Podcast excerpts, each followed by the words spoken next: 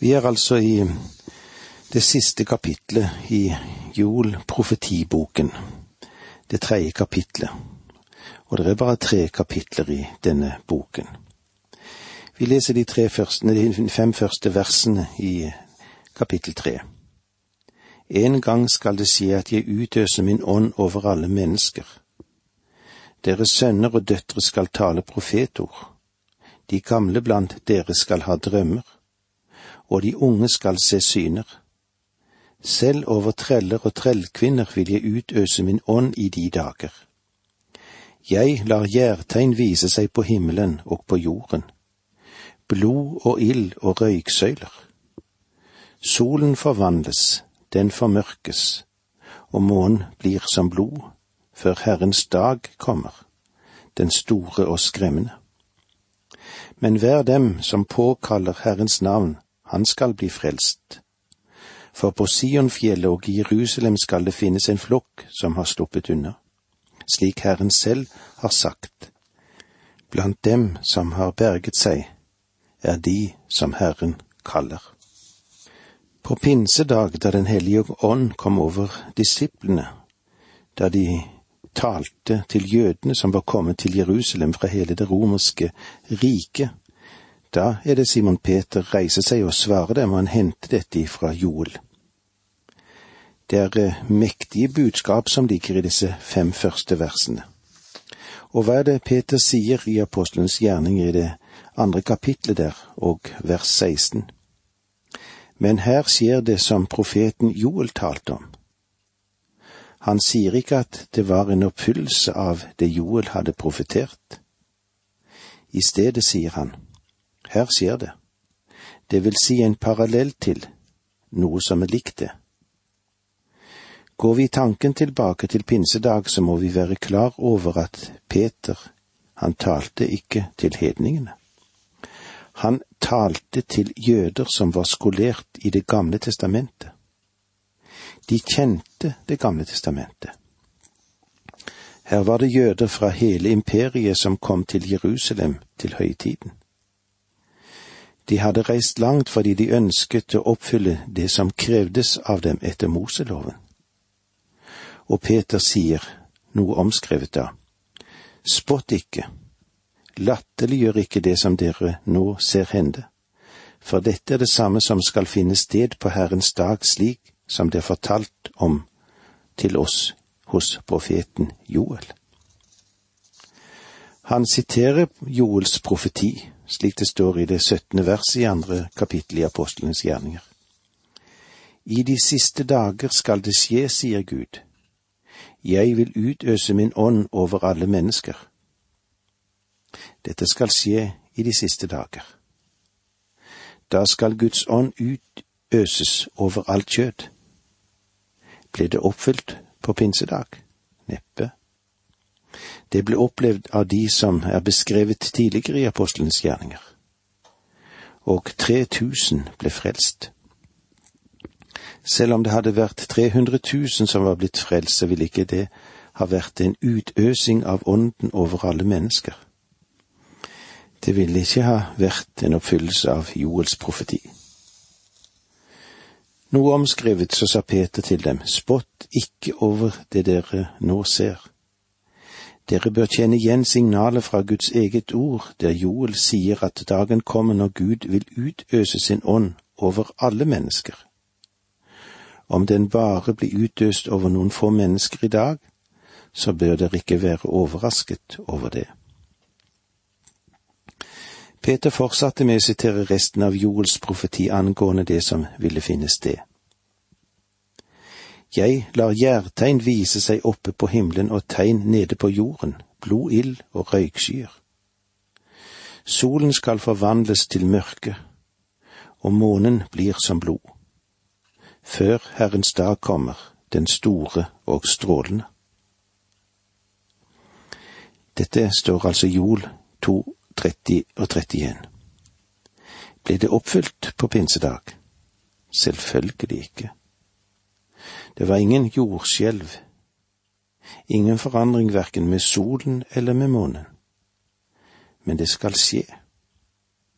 Når Herrens dag kommer, den store og strålende. Pinsedag var en stor dag, men det var ikke en sjokkerende dag. Det var en vidunderlig dag. Om vi forstår Joels bok, så vil du ikke kunne fastholde at Peter sa at Joels profeti var fullbyrdet i og med pinsedag. Simon Peter han brukte bare Joels profeti som en introduksjon i sitt svar til dem som spottet. Men nå dukker et annet spørsmål opp. Hva var selve temaet for Simon Peters tale? På pinsedag var hovedtemaet i Simon Peters preken den Herre Jesu Kristi oppstandelse. Når han kommer til dette temaet, så bruker han Salme 16, vers 8-10, som talte om Kristi oppstandelse. Vi leser Salme 16, vers 8-10. Alltid har jeg Herren for øye. Han er ved min høyre side jeg skal aldri vakle. Derfor er det glede i mitt hjerte og jubel i min sjel, ja, også min kropp kan være trygg. Du overgir meg ikke til dødsriket. Du lar ikke din trofaste tjener gå til grunne. Legg merke til hvordan Peter passer dette inn på Kristus, slik som det står i apostlenes gjerninger i versene 32-33 i det andre kapittelet der. Gud oppreiste denne Jesus, og vi er alle vitner om det. Han ble opphøyd til Guds høyre hånd og mottok av Faderen Den hellige ånd, som var lovt oss, og utøste den. Dette er det dere ser og hører. Konklusjonen både på Joels og Peters forkynnelse er dette, og det skal skje at hver den som påkaller Herrens navn, skal bli frelst. Og dette er et av de mange vers som får meg til å mene at den største frelsesepoke er den som ligger foran oss. Jeg tror at Gud vil frelse flere enn de som går fortapt. Og jeg er enig med Spurgeon som sa at han trodde at Gud ville vinne flere for seg selv enn de som ville tapes. Når Kristus kommer til jorden for å opprette sitt rike, så vil det være den største omvendelsesperiode verden noensinne har sett. Og også under den store trengsel vil mange venne seg til Herren. Langt flere enn det som skjedde under kirkens epoke. Jesu Kristi oppstandelse, Han som ved Gud har gjort ham både til Herre og Messias, det er det som er selve poenget i Peters preken. Han dramatiserer ikke det fenomenet som vi nå er vitne til. Det viktige er å komme og lære Jesus Kristus å kjenne. Vær ikke så opptatt med å få del i fremmede erfaringer som gjør at du glemmer å lære Jesus Kristus å kjenne. Spørsmålet er, hvilken plass har han i din tenkning? Hvilken plass har Jesus i ditt liv? Hvilken plass har Jesus i din tjeneste? Denne delen av Joels profeti er hyperviktig, men den endelige fullbyrdelse, den hører fremtiden til. Se frem mot Herrens dag. I det sjette verset i Joel 3 leser vi slik, for se i de dager på den tid da jeg vender lagnaden for Juda og Jerusalem. For se i de dager. Hvilken dag? Pinsedag? Nei, for han sier, da jeg vender lagnaden fra Juda og Jerusalem. Han førte dem ikke tilbake og vendte lagnaden ved pinsedag. Faktisk reserverte Jesus det ordet når han sa, Dere skal være mine vitner både i Jerusalem og i Judea og Samaria like til jordens ende. Apostelens gjerninger 1.8. I stedet for å føre folkeslagene til Israel og Jerusalem, så sa Kristus, som er menighetens hode, at de som nå var født på ny, de utgjør Kristi legeme, og de skulle gå til jordens ender. Føre budskapet ut om at jeg er stått opp fra de døde, Si til dem at Gud er nådig og langmodig og barmhjertig, og hver den som påkaller Herrens navn, skal bli frelst. Og med disse ordene sier vi takk for nå, må Gud være med deg. Dette undervisningsprogrammet består av to deler. Åge Nevland fortsetter nå med andre del av dagens undervisning. Vi er i profeten Joel, vi er i det siste kapitlet, og vi leser der sammen fra vers seks i det tredje kapitlet. For se i de dager, på den tid da jeg vender lagnaden for Juda og Jerusalem. Evangeliet, det er så enkelt at det finnes en mengde kløktige mennesker som ikke klarer å fange det inn. Det er et vidunderlig budskap vi har å bringe. Det du gjør, det er å tro. Jeg vil gjerne understreke at jeg tror ikke på frelse ved gjerninger. Det håper jeg at det er klart for alle sammen. Men jeg tror på en frelse som gjør gjerninger. Og det er viktig å se det. Er du frelst, så ønsker du å bringe evangeliet ut. Vers syv, kapittel tre. Da vil jeg samle alle folkeslag og føre dem ned til Josjafats dal. Der vil jeg holde rettegang med dem om Israel, mitt folk og min eiendom, som de spredte blant folkene. De delte mitt land. Da vil jeg samle alle folkeslag og føre dem ned i Josjafats dal. Det er der ved Jerusalem. Der vil jeg holde rettegang med dem om Israel, mitt folk og min eiendom, som de spredte blant folkene. Før den Herre Jesus kommer tilbake til jorden, vil de troende allerede ha blitt fremstilt for hans domstol, for å godtgjøre om de får ta imot en lønn eller ikke. Når han kommer til jorden, da vil han felle dom om hvem som skal gå inn i riket. Vi har en fantastisk profeti her. Men dette møter du ikke bare i Jols bok. Joel er den første av skriftprofetene men alle profetene nevnte det. En av de siste profetene, Zakaria, sa det samme. Slik det står i Zakaria 2, 14 og 15. Fryd og gled deg, Sions datter. For se, jeg kommer og tar bolig hos deg, lyder ordet fra Herren. Den dagen skal mange folkeslag slutte seg til Herren. De skal bli mitt eget folk. Jeg vil bo hos deg da skal du sanne at Herren allherrs Gud har sendt meg til deg. Det er det samme som Joel fortalte folket ved begynnelsen. Dette var deres store håp. Deres lysende håp.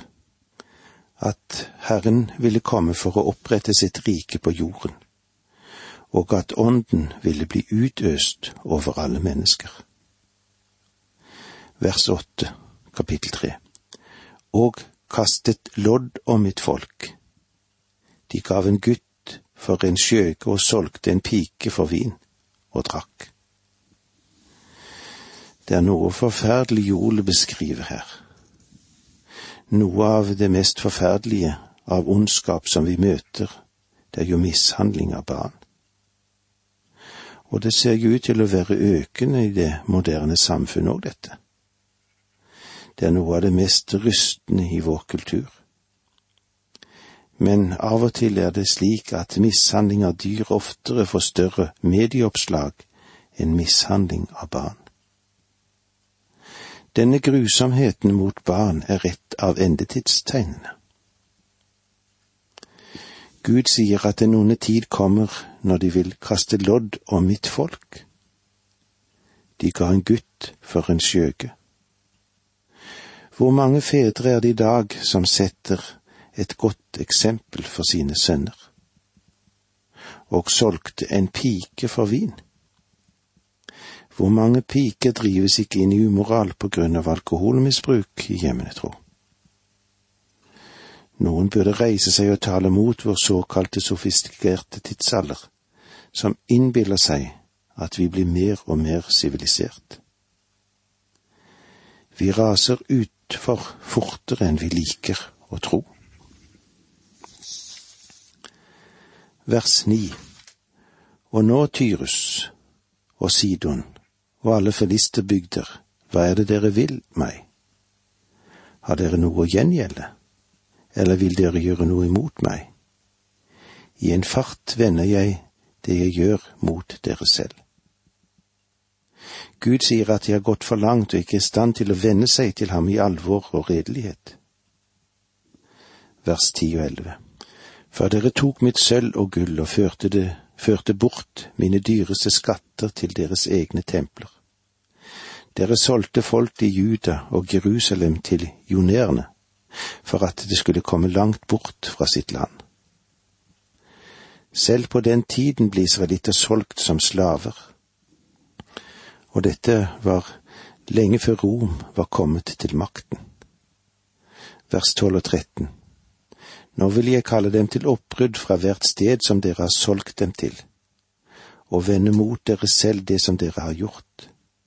Sønnene og døtrene deres vil jeg la judeerne selge. De skal selge dem til sabeerne, et folk som bor langt borte. Herren har talt. Guds dom over Tyrus og Sidon, som også Esekiel og Jeremia og Jesaja profeterte om, er bokstavelig talt fullbyrdet. Vers 13 og 14 Rop dette ut blant folkene. Rust dere til hellig krig. Vekk krigerne. La alle stridsmenn møte frem og dra ut. Smi plogskjærene om til sverd og vingårdsknivene til spyd. Sveklingen skal si, jeg er en helt. Smi plogskjæren om til sverd og vingårdskniven til spyd. Noen sier kanskje jeg trodde Bibelen sa at vi skulle smi sverden om til plogskjær. Ja, den sier også det. Men tiden for det er når riket er opprettet på jorden. Når Kristus hersker, da kan du kvitte deg med sverdet. Men da, men til da er det best å være forberedt. Du og jeg, vi lever i en ond og stor verden. Mange ville dyr er løse. De er menneskelige skapninger som går på to ben, men de er rå og brutale og er ute for å ødelegge oss. Og det er også nasjoner som er slik. Faktisk er det slik Gud beskrev nasjoner. Han kaller en løve, en annen bjørn, en tredje en panter og en fjerde et ubeskrivelig dyr. Tro meg, verdens nasjoner er som ville dyr, og de ser ut til at vi fremdeles trenger å forsvare oss. Paulus sa det slik i første Tessalonikerbrev 5.3. Når de sier fred og ingen fare, da kommer plutselig undergangen over dem, brått som veer over en kvinne som skal føde. Vers 16 og 17. Skynd dere og kom, kom sammen, alle folkeslag rundt omkring. Herre, før dine krigere dit. Folkeslagene skal bryte opp og dra til Josjafats dal, for der vil jeg sitte til doms over folk fra alle kanter. I talen på Oljeberget sa Jesus at han ville dømme nasjonene, og at han vil dømme dem etter måten de har behandlet hans folk på.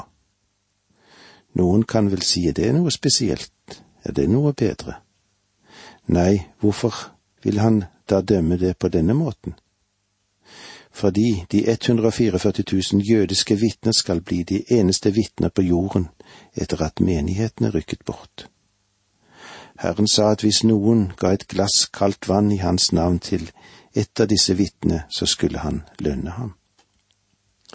Får jeg lov å si til dere at på den dagen kan det koste deg ditt liv å gi et glass kaldt vann til et av de 144 000 som vil være vitner for Kristus utover verden. Vers 18 Sving sigden, for høsten er moden, kom og tråkk, for vinpressen er full. Pressekummene flyter over, folkenes ondskap er stor. Nå taler han om høsten, nå taler han om tidens ende. Vers 19 det er et mylder og ståk i avgjørelsens dal. Herrens dag er nær i avgjørelsens dal. Joel beskriver denne perioden som Herrens dag. Alt det Joel sier faller innenfor parentesen om Herrens dag som begynner ved menighetens bortrykkelse og med den store trengsel, og fortsetter gjennom Kristi annet komme for å opprette sitt rike og den dommen som kommer om hvem som skal, som skal gå inn i riket. Da skal Kristus herske i tusen år. Det vil være en kort periode der Satan slippes løs og der er blitt et sterkt opprør. Deretter den avsluttende dom om den store hvite trone, og evigheten tar til. Alt dette er inkludert i Herrens dag. Og igjen så taler Joel om uro i universet. Versene 20 til 23. Sol og måne svartner, og stjernene mister sin glans. Herren skal tordne fra Sion, la røsten runge fra Jerusalem. Himmel og jord skal skjelve, men Herren er et vern om sitt folk, en borg for Israels sønner. Dere skal få sanne at jeg er Herren deres Gud, som bor på Sion, mitt hellige fjell. Jerusalem skal være et hellig sted, der skal fremmede aldri mer komme inn. Den dagen skal det skje at fjellene drypper av druesaft og haugene flommer av melk. I alle Judas bekkefar skal det renne vann. Til en kilde veller frem fra Herrens hus og vanner Akasiedalen. Den dagen skal det skje, den dagen, Herrens dag. Fjellene drypper av druesaft, dette er rikets tid, og haugene flommer over av melk, i alle Judas bekkefar skal det renne vann. Vers 24 til 26 Egypt skal bli en ødemark og Edom til en øde hei for sitt voldsverk mot judeerne for det var i deres land de spilte uskyldig blod. Men i Juda skal det alltid bo folk, og i Jerusalem skal slekt følge slekt. Jeg vil hevne dem som er drept, ikke spare de skyldige. Herren bor på Sion. Jeg vil hevne dem som er drept. Herren har ikke beveget seg på deres vegne ennå. Herren bor på Sion. Der bor han ikke i dag. Jerusalem er en hedens by som noen annen måtte være på denne jord, men dagen kommer når Herren skal bo der. Da skal vi se at alt dette skal oppfylles. Og vi trenger å se Kristus selv plassert der for å kunne være i stand til å si at alt dette er fullbyrdet i dag. Men det er ikke der vi ser ham, for i dette øyeblikk, ja, hvor er han da? Ved Guds høyre hånd i det høye og det er min bønn at vi stadig må være oss ham bevisst og eie vissheten om hans nærvær i våre liv. Og med disse ordene sier vi takk for nå, og at du fulgte oss gjennom jordsboken.